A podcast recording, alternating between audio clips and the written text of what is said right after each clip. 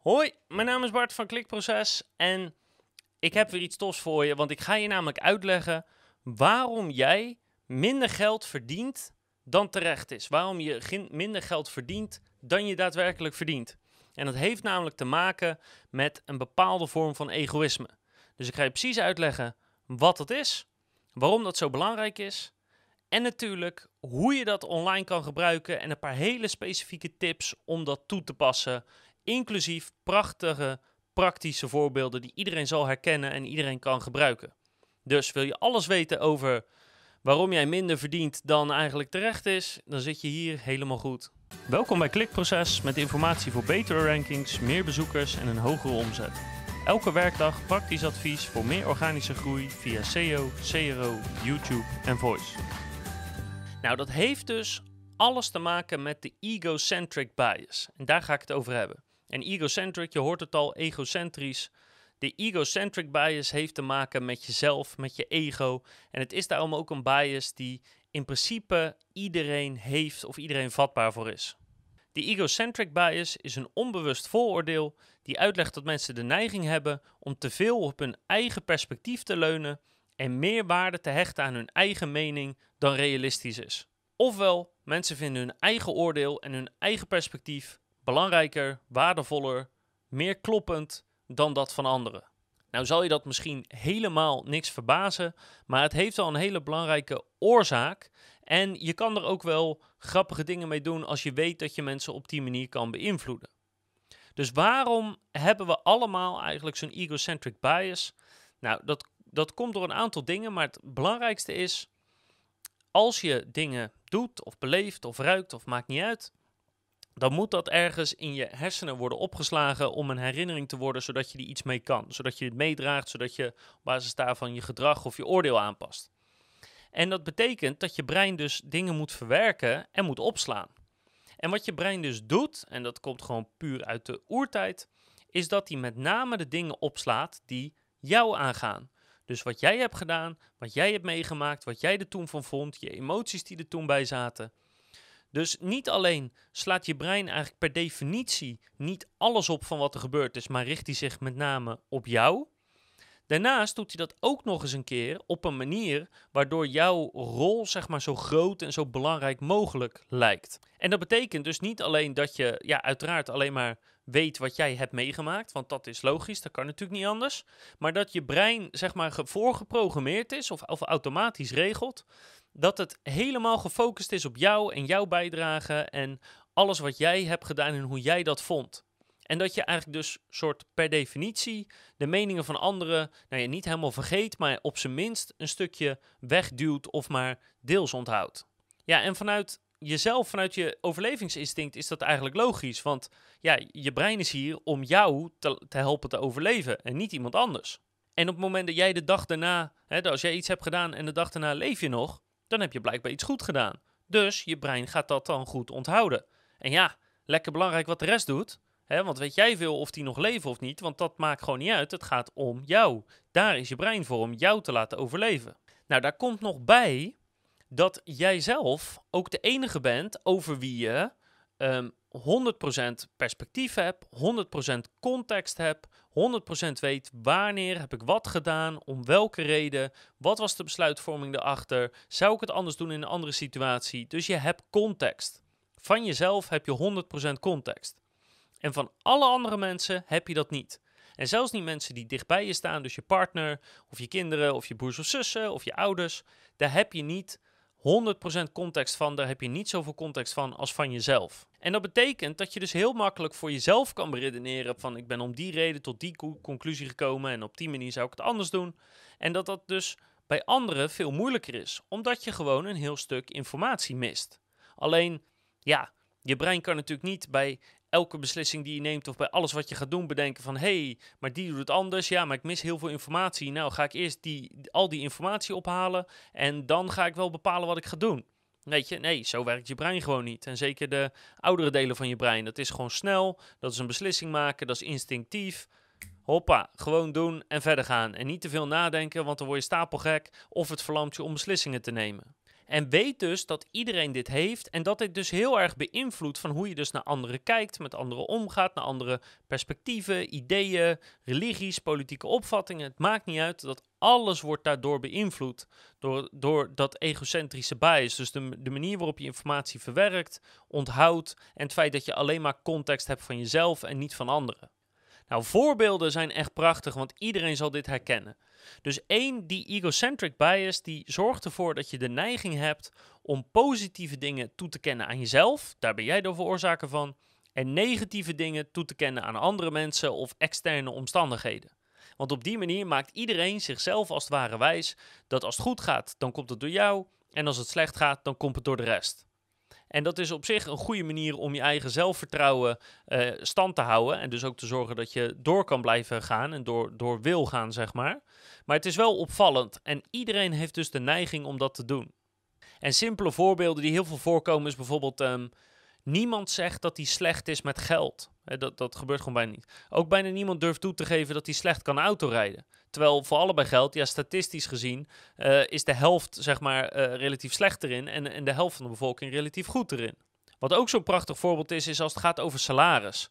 Dat als je het mensen vraagt, dat de meeste mensen of bijna iedereen geneigd is om te zeggen: eigenlijk krijg ik in vergelijking met de rest krijg ik te weinig betaald. Als je mij vergelijkt met collega's of met mensen die hetzelfde werk doen, hè, ik doe meer of ik werk harder of ik doe meer mijn best of mijn resultaat is beter bijna iedereen vindt dat zij in verhouding te weinig betaald krijgen ten opzichte van de collega's.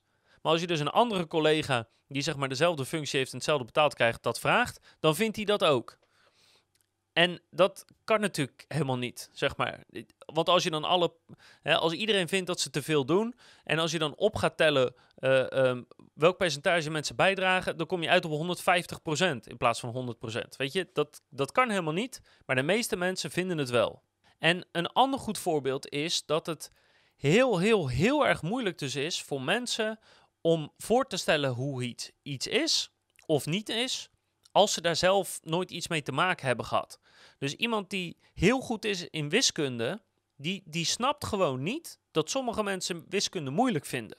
Uh, andersom bijvoorbeeld ook uh, iemand die een ontzettende hekel heeft aan muziek, die snapt niet waarom sommige mensen zo helemaal knettergek zijn van muziek en helemaal lyrisch en allemaal, allemaal concerten en weet ik veel wat gaan.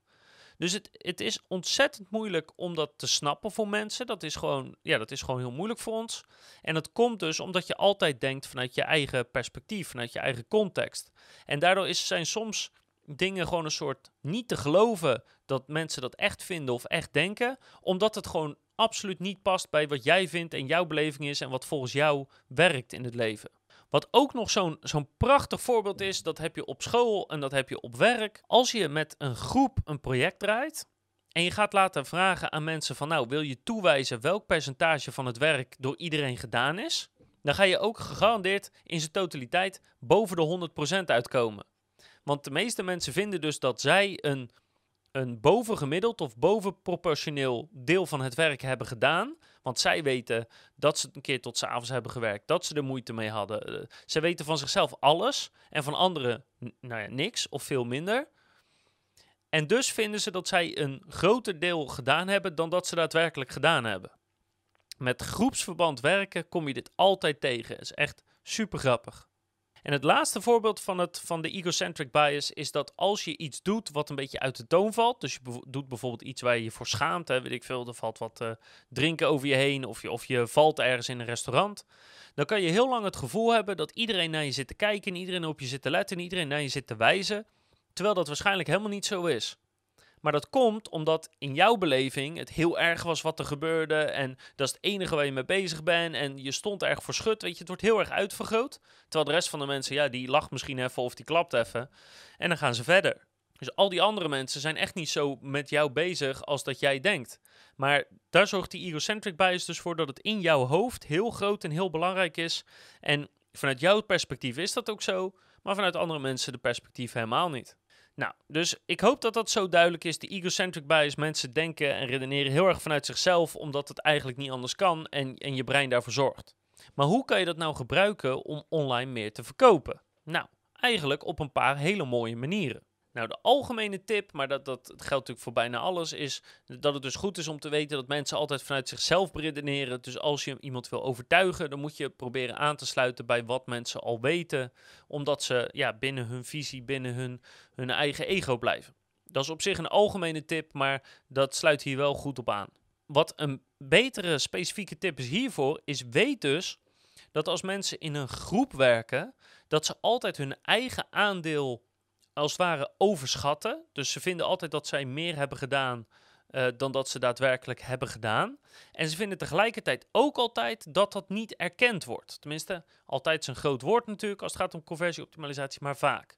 Dus ze vinden dat ze meer hebben gedaan dan dat zo is. En ze vinden ook doorgaans dat ze daar niet, voor, niet genoeg voor gewaardeerd worden of niet genoeg betaald voor krijgen. Dus één, als je weet heel concreet dat iemand zich in zo'n situatie is, is geweest, dus, dus op school, op het werk, uh, tijdens het ontwikkelen van iets, uh, terwijl je een tuin aan het aanleggen was, maakt even niet uit wat het was. Als je weet dat iemand zich heel specifiek in zo'n situatie heeft bevonden, dan kan je die situatie dus dus beschrijven of in je film opnemen om duidelijk te maken dat je snapt hoe diegene zich voelt. En dat kan je vervolgens gebruiken, die band of die connectie of dat argument, om jouw product of dienst te verkopen. Dus je kan bijvoorbeeld zeggen: Weet je nog dat je op school zat, dat je met z'n vieren een project deed, maar dat jij eigenlijk veel meer deed dan die 25% die je eigenlijk had uh, hoort te doen? Weet je nog hoe dat voelde? En dat uiteindelijk iedereen hetzelfde uh, cijfer en dezelfde beloning kreeg, terwijl jij gewoon meer dan jouw deel van het werk had gedaan. Je wilt toch niet zometeen doorgaan naar een baan en dat je dan weer precies hetzelfde hebt, maar dan nu dag in en dag uit? Koop daarom gewoon onze software. Dan registreert iedereen precies de tijd dat hij bezig is geweest en krijgt iedereen eindelijk is de beloning en het lof die hij verdient en ook de betaling die tegenover die uren hoort te staan. Dat kan bijvoorbeeld een manier zijn om uh, software te verkopen die tijdsregistratie doet. Om uh, als, ja, in dit geval als medewerkers of zo, als die een aanzienlijke stem hebben, omdat je op die ego ingaat. Omdat je zegt, hey, je weet dat je eigenlijk meer verdient, je weet dat je eigenlijk meer doet, maar als je dit systeem toepast, dan gaat de rest van de wereld het ook eindelijk eens zien en krijg je eindelijk waar je recht op hebt. Een andere manier om dit te gebruiken is dat als je weet wat iemand zijn zijn, e zijn egocentric bias is. Dus wat iemand zijn perspectief is, of zijn vooroordeel, of zijn, of zijn voorkeur. Dan kan je een wij tegen zij situatie maken. Dus je kan er dan voor zorgen dat je in de video of via de, de podcast of in de tekst, maakt niet uit hoe je het doet, dat je uh, zeg maar jouw bedrijf of jouw oplossing of jouw product of, of jou als persoon dat jij je schaart bij die groep, tot waar jouw potentiële klant ook behoort, en dat je daarmee afzet tegen een andere groep. Dus ja, dat, eh, of dat nou is, uh, politiek is, of dat het om een functie gaat, of om seksen, of om een leeftijd, of dat je een soort een wat, wat meer suggestief uh, onderscheid maakt. Bijvoorbeeld, um, in elke branche heb je eigenlijk twee soorten bedrijven bedrijven die snappen hoe het werkt, die echt hun best doen en echt kwaliteit leveren. En je hebt een beetje de knoeiers die maar wat aanmodderen. Nou, wij als bedrijf willen eigenlijk niet zoveel met de bedrijven te maken hebben die maar wat aanmodderen. Wij willen te maken hebben met bedrijven die echt weten wat ze doen, die kwaliteit leveren en die door willen groeien. Met zulke bedrijven gaan wij samenwerking aan, want met onze software kunnen zulke bedrijven 10 tot 20 procent efficiënter werken en daarmee hun kosten met 1000 euro per maand verlagen. Ik zeg maar wat.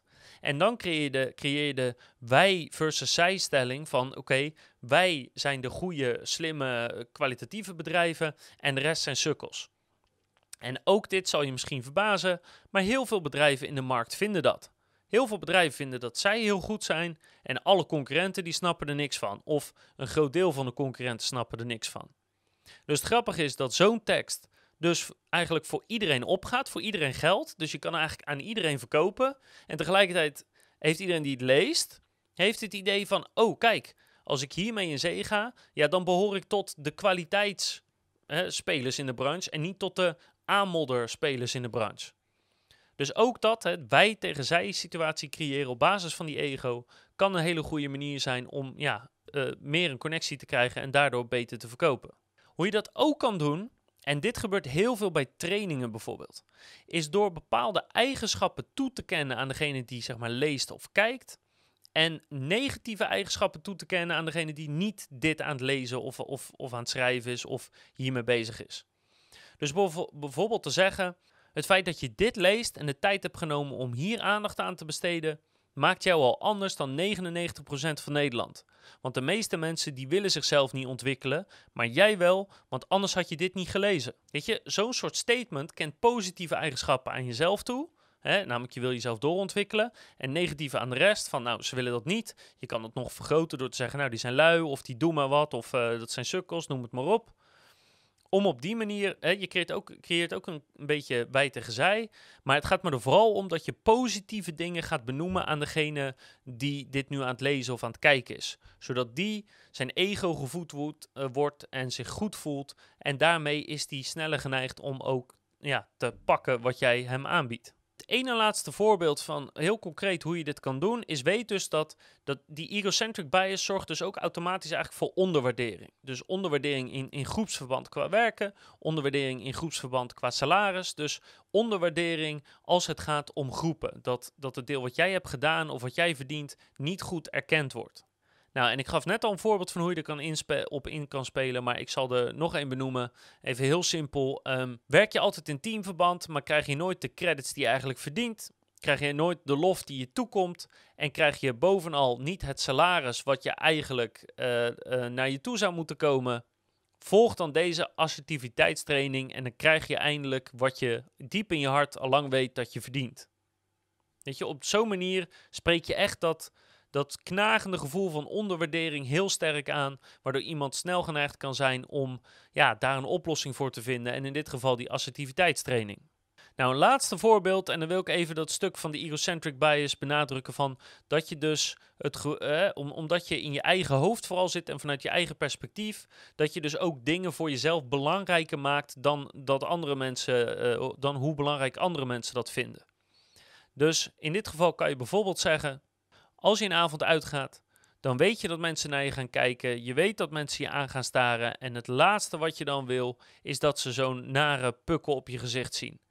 Koop nu mijn bla bla bla crème en smeer die erop. En dan weet je zeker dat mensen alleen maar zien wat jij wil dat ze zien. En dat is jouw prachtige gezicht. Koop nu crème X en beleef de avond van je leven zonder je zorgen te maken. Nou, je hoort al duidelijk dat ik nooit crèmetjes gebruik en dan ben ik natuurlijk ook helemaal niet de persoon om dat te verkopen. Maar het gaat erom dat je inspeelt op het feit dat mensen denken uh, dat andere mensen continu met hun bezig zijn, omdat ze zelf met zichzelf zo erg bezig zijn. En dus ook dat is een specifieke ingang waar je in kan, op in kan spelen. En in dit geval is dat een bepaalde onzekerheid aanspreken. Dat kan, dat kan goed werken, maar het kan ook een bepaalde vrolijkheid aanspreken of een bepaalde angst. Of een, het kan van alles zijn afhankelijk van je doelgroep. Maar iets aanspreken waar zij, degene die het leest, zich heel druk om maakt. Ondanks het feit dat andere mensen zich daar misschien helemaal niet druk om maken. Nou, wil je hier meer over weten? Er zijn eigenlijk vier zeg maar, vooroordelen of, of denkfouten die hier uh, op aansluiten.